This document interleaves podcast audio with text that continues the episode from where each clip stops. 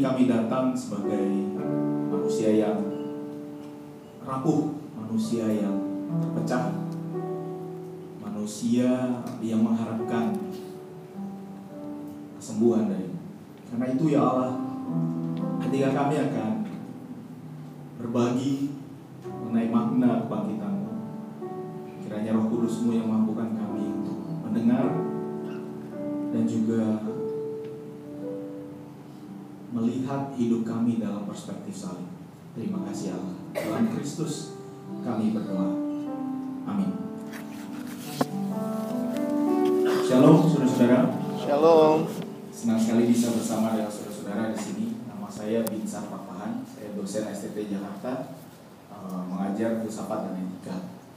Nah, pada hari ini eh, kita juga tadi telah mendengar eh, cerita-cerita mengenai masa lalu yang yang yang cukup membuat kita semua terhenyak dan entah satu dengan yang lain ada koneksi dengan apa yang juga kita alami di masa lalu kita.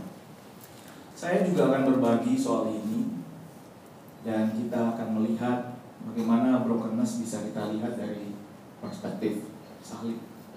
Tapi sebelumnya saya mau mengucapkan dulu selamat Paskah untuk kita semua. Nah, saudara-saudara, teman-teman, yang paling menakutkan dari salib bukanlah kematian. Tapi teman-teman harus lihat perspektif salib ini dari para murid.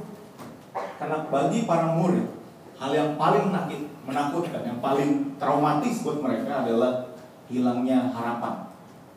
Seorang pemimpin yang mereka rasa akan membebaskan mereka, seorang pemimpin yang akan mengangkat mereka dari penjajahan, mati dengan cara yang sangat mengenaskan. Mati. Bagi mereka tidak ada lagi harapan. Dan ketika mereka mengalami ini, mereka merasa terpuruk sama seperti ketika kita mengalami cerita-cerita yang kita bagi tadi. Kita semua akan merasa terpuruk. Pada waktu kita menerima hal-hal itu, pelecehan, penyiksaan, peninggalan dari orang tua, kita semua akan merasakan terpuruk. Pasti. Karena itu saudara-saudara, biasanya ketika orang mengalami ini mungkin di masa lalu, kita bersembunyi, kita takut, kita menutup diri. Sama seperti para murid yang juga pergi dan menutup diri. Mereka takut. Mereka pecah. Mereka broken. They're broken like us. Tapi saudara-saudara, saya tahu saya diberi pesan untuk menghayati ini, tapi saya juga mau berbagi cerita broken ini dari perspektif yang sedikit berbeda. Karena brokenness yang dialami para murid hampir sama dengan apa yang dialami oleh seluruh dunia ketika tahu Thanos membunuh setengah dari alam semesta. Sudah beli tiketnya? Sudah ada yang nonton kemarin? Tolong jangan kasih spoiler. Saya nontonnya siang ini.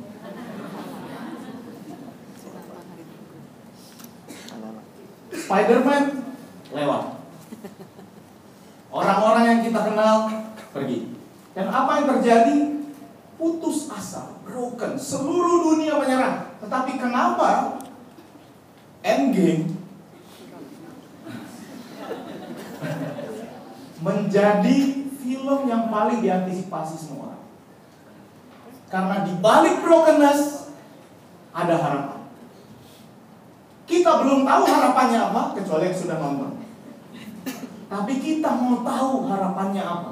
Dan karena itu kita mau menontonnya karena tanpa harapan film Avengers Infinity War tidak akan menjadi sukses. Anda tidak akan menontonnya. Kalau kehidupan berakhir di brokenness, kita tidak akan mau melihatnya. Karena itu semua orang rata-rata mau menonton film berakhir bahagia. Happy ending. Nah ini juga membuat saya agak hati-hati kalau bilang orang pacaran kalian seperti Romeo dan Juliet ya. Karena Romeo dan Juliet tidak berakhir baik. Kita semua mau film yang berakhir bahagia. Kita semua lebih suka, oh enggak semua, maaf ini klaim saya. Kita semua mungkin lebih suka nonton film India daripada film Korea? Enggak ya? Yang suka Korea biasanya suka nangis. Betul? Yang suka film Korea biasanya suka nangis. Bawa satu tangan. Siap-siap dia akan ada dua episode tangisan. Kadang-kadang 20 episode nangis mulu.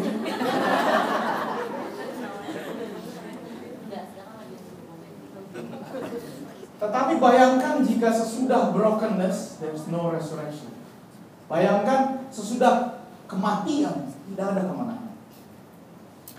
Tetapi justru sesudah kita tahu bahwa akan ada kebangkitan, kita betul-betul menghayati kematian. Brokenness dilihat dari perspektif kematian. Nah karena itu apa yang akan kita lakukan ketika kita mengingat mengingat semua rasa sakit itu yang membuat kita ragu akan masa depan. Nah, saudara, apa yang kita pilih untuk peristiwa-peristiwa ini? Apakah kita mau ingat atau apakah kita mau lupa? Yang menarik soal mengingat adalah mengingat bukan hanya soal masa depan. Mengingat kita tahu lagu Don't Forget to Remember. Bagaimana caranya Don't Forget to Remember? Ini lagu paling absurd seluruh dunia. Don't forget to remember me. Kalau saya sudah forget, I will not remember you. Makanya dia bilang, don't forget to remember. Ada juga orang mengatakan, aku sudah lupa kekerasan yang kau lakukan terhadapku. Tidak mungkin ketika dia bicara seperti itu, dia masih ingat. Persis seperti apa yang kita lakukan tadi, kita semua masih ingat. Dan yang terjadi juga, kita bisa mengingat masa depan. Masa yang belum terjadi pun bisa kita ingat. Ingat, anakmu mau jadi apa? Ingat, masa depanmu mau jadi apa? Ingat, sudah lama kita pacaran. Mau ke mana hubungan ini? Masa depan juga bisa diingat dari perspektif sekarang.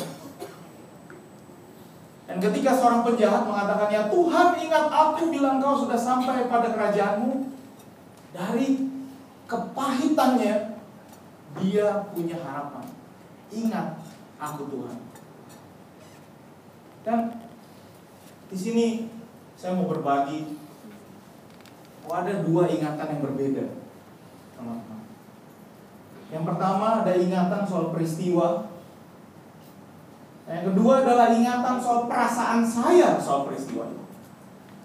Yang tadi kita bagikan di sini adalah ingatan soal peristiwa. Kemudian ada juga beberapa yang berbagi, saya merasa sedih, saya merasa takut. Ingatan soal perasaan akan peristiwa. Sebagai contoh, saya bisa mengingat Piala Dunia final Piala Dunia 2014 ketika Mario Götze mencetak gol dengan indahnya ke gawang siapa itu? Siapa yang lawannya 2014 itu? Argentina. Itulah bukti bahwa peristiwa bisa tidak kita ingat lagi. Tetapi emosi, perasaan melekat. Saya mengingat betapa senangnya saya malam itu karena Jerman, ya, orang Batak setengah Jerman, Jerman mana? Dan betapa sedihnya bapak saya karena bapak saya pendukung Messi. Tapi saya bisa ingat apa yang terjadi, perasaan saya, tapi saya tidak ingat lagi kami makan apa waktu itu. Pertengkaran apa yang kami miliki pada malam itu ketika sedang menonton. Yang berbahaya adalah ketika kita mengingat perasaan kita, ketakutan kita itu melekat, kebencian kita melekat, kedengkian kita melekat, kemarahan itu ada, tapi kita tidak tahu kenapa. Karena ingatan soal peristiwanya pergi. Dan ketika itu terjadi brokenness menjadi sulit untuk kita ubah. Saudara-saudara, teman-teman, bapak saya namanya Mukhtar Papahan. Mukhtar Papahan dulu adalah buat generasi milenial mungkin nggak tahu lagi. Uh, itu zamannya Bang Bias.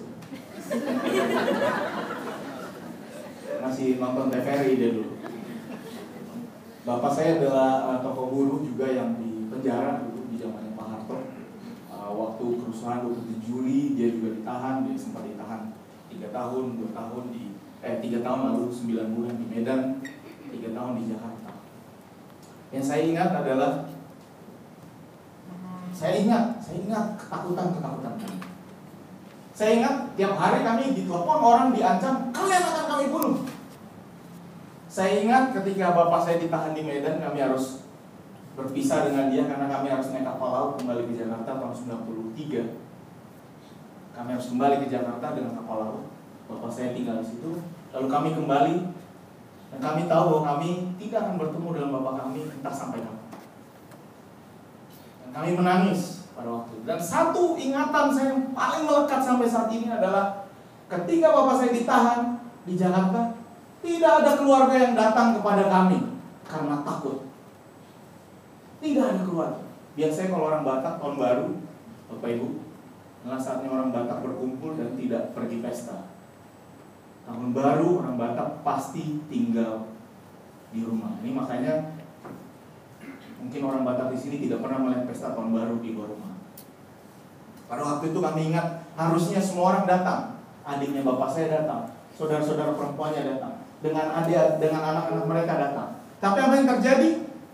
Kami merayakan tahun baru pertama hanya berempat. Ibu saya dan anak-anaknya tiga orang.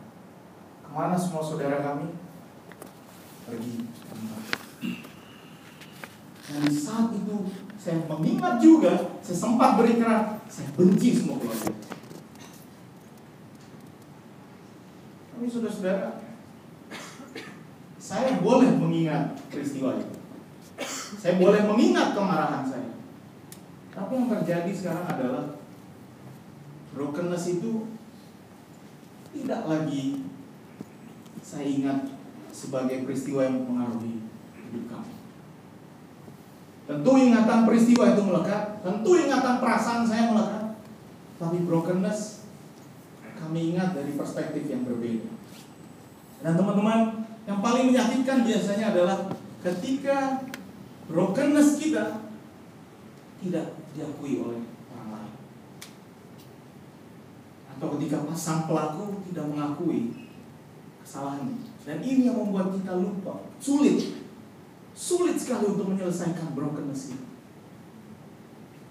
Ketika orang yang menyakiti kita masa kecil tidak mengetahui bahwa dia menyakiti kita. Ketika orang yang selama ini melecehkan kita tidak mau meminta maaf pada kita. Ketika orang yang meninggalkan kita pada masa kecil tidak tahu bahwa kita merasa terluka. Dan kadang-kadang, saudara-saudara, teman-teman, hal yang paling menakutkan dari brokenness adalah ketika kita rasa tidak ada harapan. Tetapi saya melihat bahwa ketika teman-teman berbagi di sini, berbagi di tempat ini, saya tahu bahwa teman-teman melihat dan ini saya akan berbagi sebuah cerita ketika ada sebuah tempat di mana semua harapan kelihatan hilang di Auschwitz. Di mana jutaan orang dibunuh. Dan saya melihat sebuah film di mana uh, dokumenter ketika mereka memperlihatkan seorang tokoh yang bernama Oscar Gröning. Seorang penjaga penjaga Nazi yang dulu mencatat dan mengambil harta orang yang akan dibakar dan dibunuh. Dan apa yang dia lakukan adalah dia mengatakan, saya tidak bersalah. Apa yang kami lakukan pada waktu itu itulah yang saya anggap benar dan di sinilah rasa sakit yang luar biasa. Ketika orang yang melukai kita tidak mengakui perbuatannya atau ketika kita tidak menemukan sarana untuk keluar dari brokenness. Ini juga yang menyebabkan sampai sekarang ketika orang Yahudi mengingat apa yang terjadi pada Auschwitz yang ada adalah kemarahan. Yang ada adalah satu perasaan nie wieder, jangan. Tapi saudara-saudara, dunia kita, our world is a broken world. Kita adalah orang-orang yang broken. Kita hidup dalam hubungan yang broken. dengan masa lalu yang menyakitkan, yang rasa takut untuk mengingat masa depan. Tetapi di dalam mengingat Kristus, kita mengingat. Kebangkitan Kristus mengingatkan bahwa harapan penyertaan Tuhan akan brokenness selalu ada. Brokenness adalah sebuah situasi di mana harapan sepertinya hilang. Tetapi salib yang menjadi simbol brokenness justru menjadi simbol harapan. Nah, saudara-saudara, ketika sekarang kami berkumpul bersama keluarga, lalu saya akan sering uh, menyindir sesekali. Sekarang sudah tidak lagi. Tiga empat tahun yang lalu saya masih suka nyindir. Wah, tumbennya ramai dulu nggak ada orang.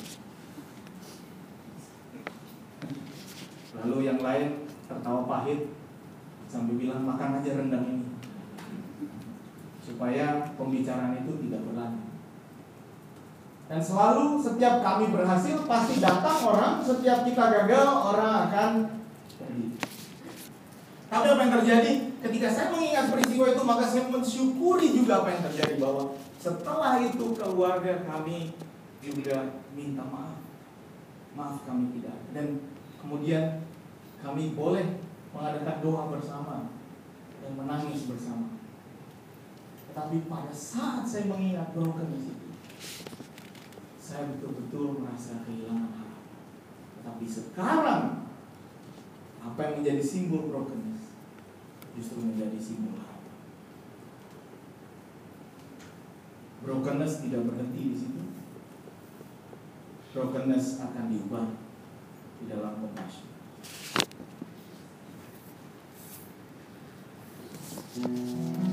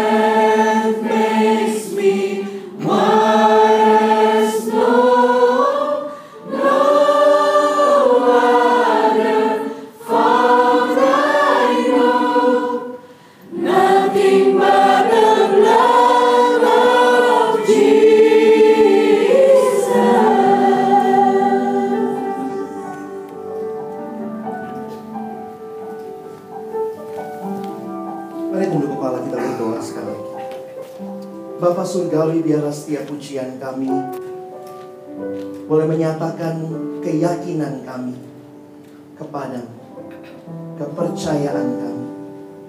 Terima kasih Tuhan. Kau sungguh bangkit dan itu yang memberikan pengharapan bagi kami. Biarlah kembali ketika kami belajar kebenaran firman-Mu, bukalah hati kami. Jadikanlah hati kami seperti tanah yang baik supaya ketika benih firman Tuhan ditaburkan boleh sungguh-sungguh berakar, bertumbuh dan juga berbuah nyata di dalam kehidupan kami. Berkati hambamu yang membagikan firman setiap kami yang mendengar. Tuhan kami mohon jadikan kami bukan cuma pendengar yang setia. Mampukan kami dengan kuasa dari rohmu yang kudus. Kami dimampukan menjadi pelaku-pelaku firman di dalam hidup kami. Dalam nama Tuhan Yesus, kami berdoa. Amin. Silakan duduk. Saudara yang dikasihi Tuhan, compassion. Apa itu compassion? Bukan lembaga lain seperti WVI. Ya. Compassion adalah dari kata yang bisa diartikan menderita bersama. To suffer with. Di dalam bahasa aslinya, kata yang dipakai itu menggambarkan sebuah perasaan, suasana atau apa ya? Itu ber, apa ya? Kalau teman saya pakai istilah begini. Pernah Bapak Ibu naik mobil lalu kemudian mobilnya itu uh, tiba-tiba jalannya turun, terus berasa tuh ya kayak jeroan di perut gitu, gitu ya. Pernah begitu? Atau mungkin kalau naik pesawat ada turbulence lalu kemudian rasanya seperti itu. Jadi ada satu perasaan jeroannya bergetar. Kira-kira begitu. Jeroannya daleman isi perutnya atau ya kalau pakai istilah bela rasa hatinya bergetar. Tapi hal yang menarik adalah tidak hanya berhenti dengan bergetarnya hati itu, tetapi melakukan sesuatu didorong oleh perasaan itu. Apa yang biasanya kita lakukan kalau jeroan kita bergetar tiba-tiba begitu atau naik roller coaster, kita pura-pura ikutan turun. Uh, gitu ya. Pernah begitu? We do something that will help to settle the situation. Passion, compassion, bersama-sama menderita Itulah yang kita lihat dari hidup Yesus. Di dalam kitab Injil ketika dia berjalan, dia melihat orang banyak itu, Matius mencatat, tergeraklah hati Yesus oleh belas kasihan. Karena mereka lelah dan terlantar, seperti domba yang tidak bergembala. Tapi bukan hanya kehidupannya yang menunjukkan compassion, saudara. Tapi kalau kita lihat, sampai seluruh bagian hidupnya, menyatakan sungguh betul Allah jadi manusia. Dia bukan hanya Allah yang tinggal duduk diam di atas sana dan tidak mengerti pergumulan kita. Dia bukan Allah yang tidak peduli dengan apa yang kita alami. Beberapa hari ini banyak pertanyaan apologetik yang ditanyakan kepada saya dan saya juga bingung saudara jawabnya ya. Pertanyaannya karena saya baru pulang pelayanan kepada mahasiswa di Bengkulu, di Bangka. Pertanyaannya begini, kalau dia Tuhan kenapa dia mati? Kenapa dia harus mati? Saya mikir-mikir gitu ya, secara secara logika sederhana aja saya pikir begini, kamu mau Tuhan yang kayak apa? Mau Tuhan yang hanya tinggal duduk di sana dan lihat hidupmu lalu berkata begini, selesaikan pergumulan hidupmu nanti kalau sudah selesai datang sama saya. Dengan usahamu sendiri datangi saya masuk ke surgaku. Welcome, I will wait you there. Kita mau Tuhan semacam itu? Atau Tuhan yang dinyatakan di dalam kitab suci, dia Allah yang menjadi manusia. Oh, tidak masuk dalam pemikiran kita. Allah jadi manusia. Karena dia jadi manusia, dia mengalami semua penderitaan, pengalaman yang teman-teman dan saya. Mungkin tidak detail peristiwanya, tapi emosi-emosi yang kita ungkapkan dari pengalaman yang pahit di sana. Itu juga pengalaman Kristus to suffer with. Ditinggal, dihianati, dia alami. Perasaan ditolak. Perasaan diabaikan bahkan oleh keluarganya sendiri. Dari murid-murid yang dia spend waktu begitu banyak inilah orang-orang yang juga di akhir waktu dia membutuhkan di mana mereka? Saudara, pengalaman hidup Yesus tidak saya lebih panjang lagi tentang brokenness. Harusnya kita sudah selesai di situ ya. Diselesainya kenapa? Bukan karena kita sudah melewati semua dengan dengan dengan menang, Saudara, tapi saya ingin mengajak kita melihat begini. Bahwa Kristus dialah sungguh Tuhan yang menang. Yang tahu ceritamu, tahu ceritaku dia merasakan apa yang kita rasakan. Tapi kalau cuma sampai situ saudara, datang konselor juga bisa begitu ya. Konselor bisa ikut merasa, oh iya ya. Tapi dia melakukan sesuatu yang hanya dia yang mungkin lakukan. Thank you Pak Binsar tadi bicara pengharapan. Siapa yang bisa memberi pengharapan? Manusia cuma punya cara pikir begini. Dulu hidup itu lahir, hidup, mati. Lahir, hidup, mati. Tapi Kristus yang bangkit memberikan kepada kita pengharapan bahwa hidup bukan sekedar hanya lahir, hidup, mati. Tetapi ada kebangkitan dan itulah yang memberikan kepada kita pengharapan. Paulus berkata jika Kristus tidak dibangkitkan maka sia-sialah pemberitaan kami dan sia-sia juga kamu jadi percaya. Jadi saudara, waktu saya menghayati ini, wow, ini kebangkitan Kristus yang memberikan kepada kita pengharapan. We are hopeful people because we know the end of the story that God will return and we will be with Him forever. We are hopeful people because we know the end of the story. Ini ingat ke depan ya. Bagaimana menghayati hal itu di dalam hidup kita saat ini? Menghayati bahwa Kristus yang bangkit dan menang itu, Dia sungguh-sungguh hadir menyertai perjalanan hidup kita. Saudara ada dua ayat yang saya dua bagian ayat ya kita coba lihat sebentar di dalam Ibrani pasal yang keempat. Ibrani pasal yang keempat ayatnya yang ke-15.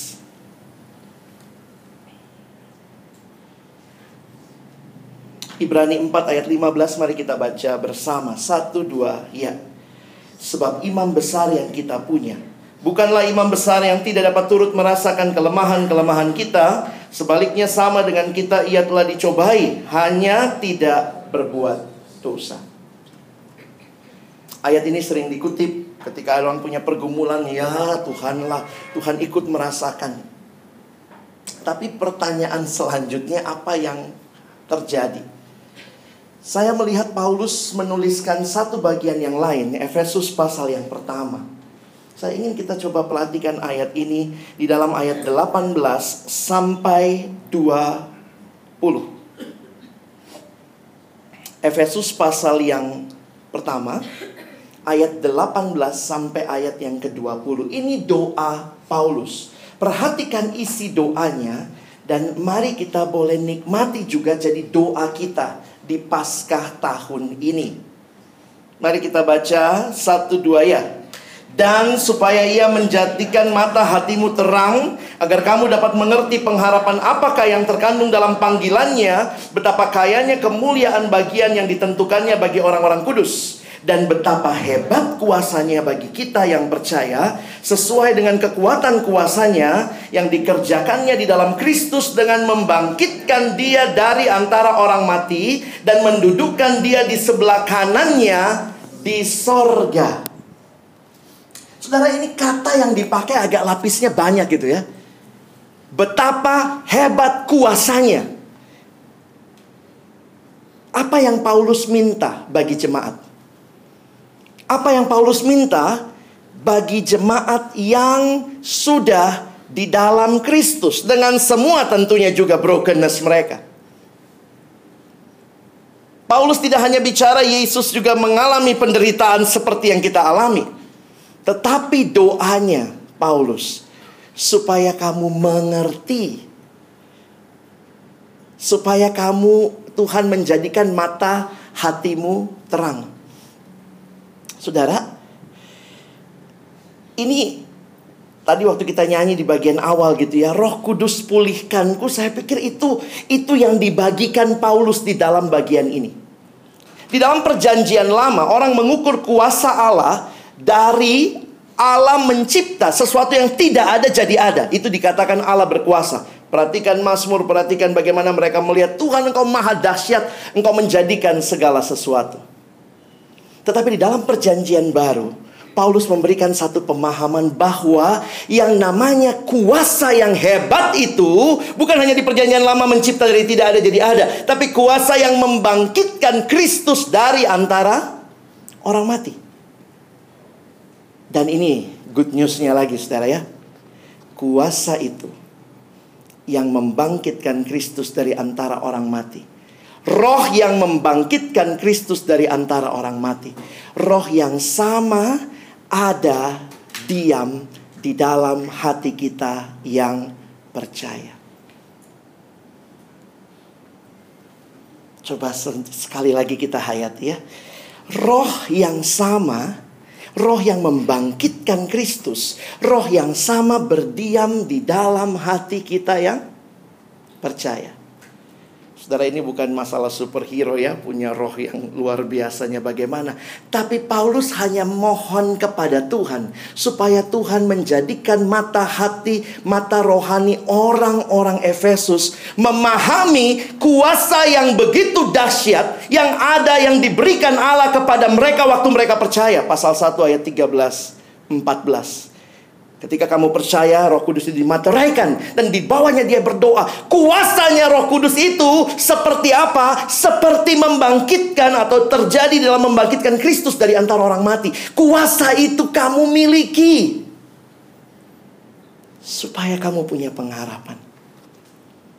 Saudara kalau cuma bicara brokenness Pergi terapi aja psikologi selesai saya juga tidak menolak teologi uh, terapi psikologi, kita konseling. Saya pikir itu bagian cara Tuhan menyembuhkan kita. Tetapi lebih dalam daripada itu ketika saudara dan saya melihat Yesus yang bangkit itu, dia adalah Allah yang berkuasa dan dia memberikan rohnya yang kudus diam di dalam kita. Dan roh itu akan menolong kita melewati hari-hari kita dengan penuh pengharapan. Bukan berarti tanpa brokenness. Ketika pelayanan Natal di Palu dan saya tahu ada satu teman dari WVI juga yang meninggal di sana. Dan waktu itu satu pelayanan Natal yang paling sulit saya pimpin begitu saudara ya. Jadi tanggal 1 Desember saya memimpin Natal perkantas di Palu dan kemudian orang bilang gitu ya.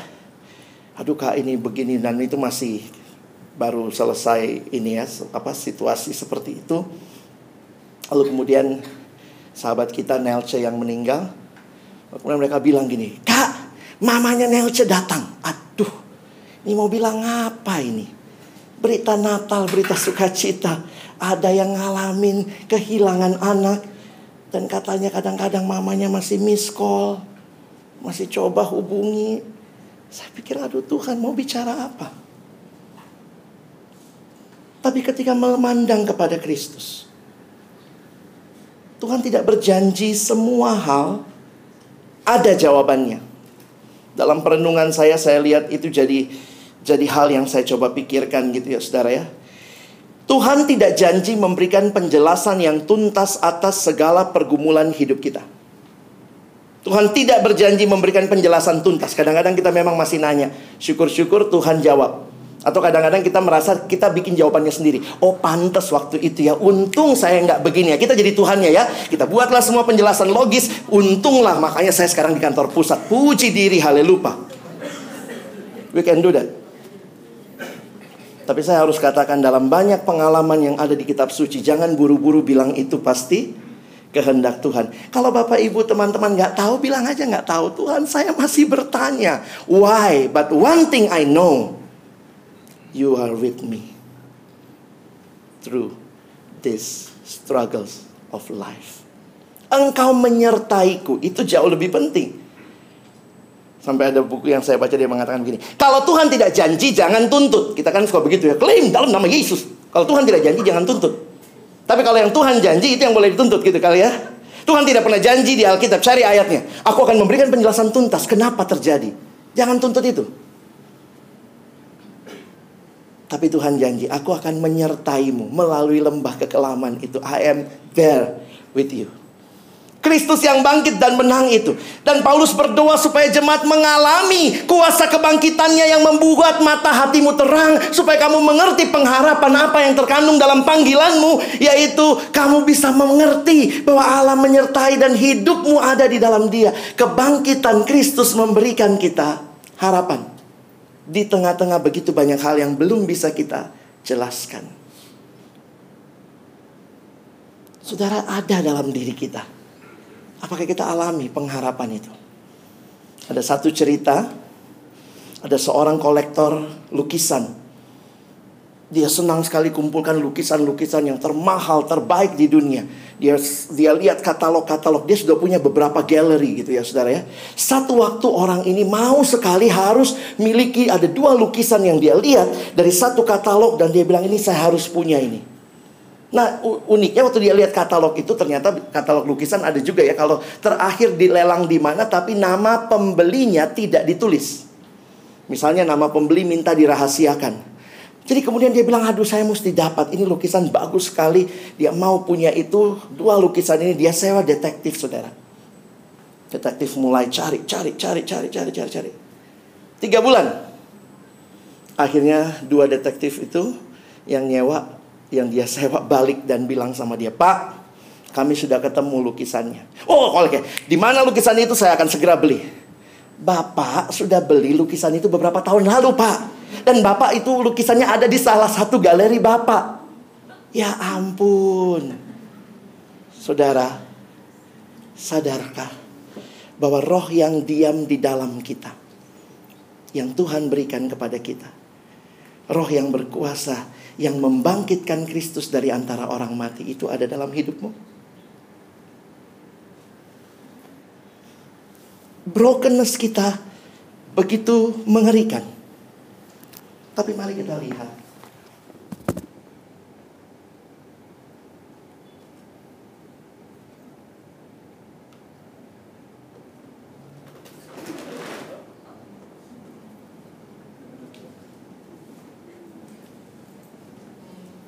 Dia tanggung semua. Dan dia tidak hanya mati di situ. Dia bangkit. Dan karena dia bangkit kita punya hidup. Kita punya pengharapan. Sehingga di tengah-tengah pergumulan saudara. Mari datang Alami kuasa kebangkitan. Mari kita berdoa.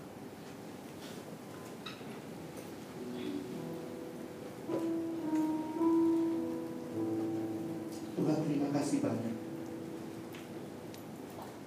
Kami ada di dalammu Dan engkau ada di dalam Terima kasih karena kau berikan rohmu yang kudus. Berdiam Memimpin hidup kami Melalui lembah-lembah kekelaman yang masih kami alami. Di satu hal yang pasti Tuhan yang bangkit itu Memberikan kami pengharapan. Tuhan akan mengubahkan semuanya indah pada waktumu Tuhan Mengapa ini semua terjadi? Mungkin itu cara Tuhan untuk membawa kami juga bisa menjadi orang yang menolong mereka yang mengalami pergumulan yang sama. Mungkin juga itu cara Tuhan mendewasakan kami. Tuhan kami terus berdoa. Tolong kami. Tidak melihat pergumulan kami terlepas dari Tuhan. Tapi engkau ada. Engkau menyertai Kami menaruh semua luka-luka kami Kepada Terima kasih Tuhan. Kau bangkit dan menang. Kami punya pengharapan. Tolong kami menghidupi Hidup yang penuh pengharapan. Hidup yang bisa berkata bahwa di balik kematian pun ada kehidupan yang kekal. Hidup yang bisa berkata juga kepada orang-orang di sekitar kami. Sebab dia hidup. Aku punya hari esok. Hidup bukan hanya ber, ber, berakhir di dalam brokenness. Tapi Tuhan akan satu waktu kelak membalut semuanya menjadi indah di dalam kekekalan. Terima kasih Tuhan. Kalau hanya hidup kami di dunia ini saja, menjadi pengharapan kami. Maka mungkin banyak dari kami sudah menyelesaikan hidup kami. Tapi karena ada pengharapan yang kekal, kau bangkit dan hidup. Waktu kami jatuh, kami terpuruk, kami bangkit lagi. Ada pengharapan. Terima kasih Tuhan. Kami bersyukur dalam nama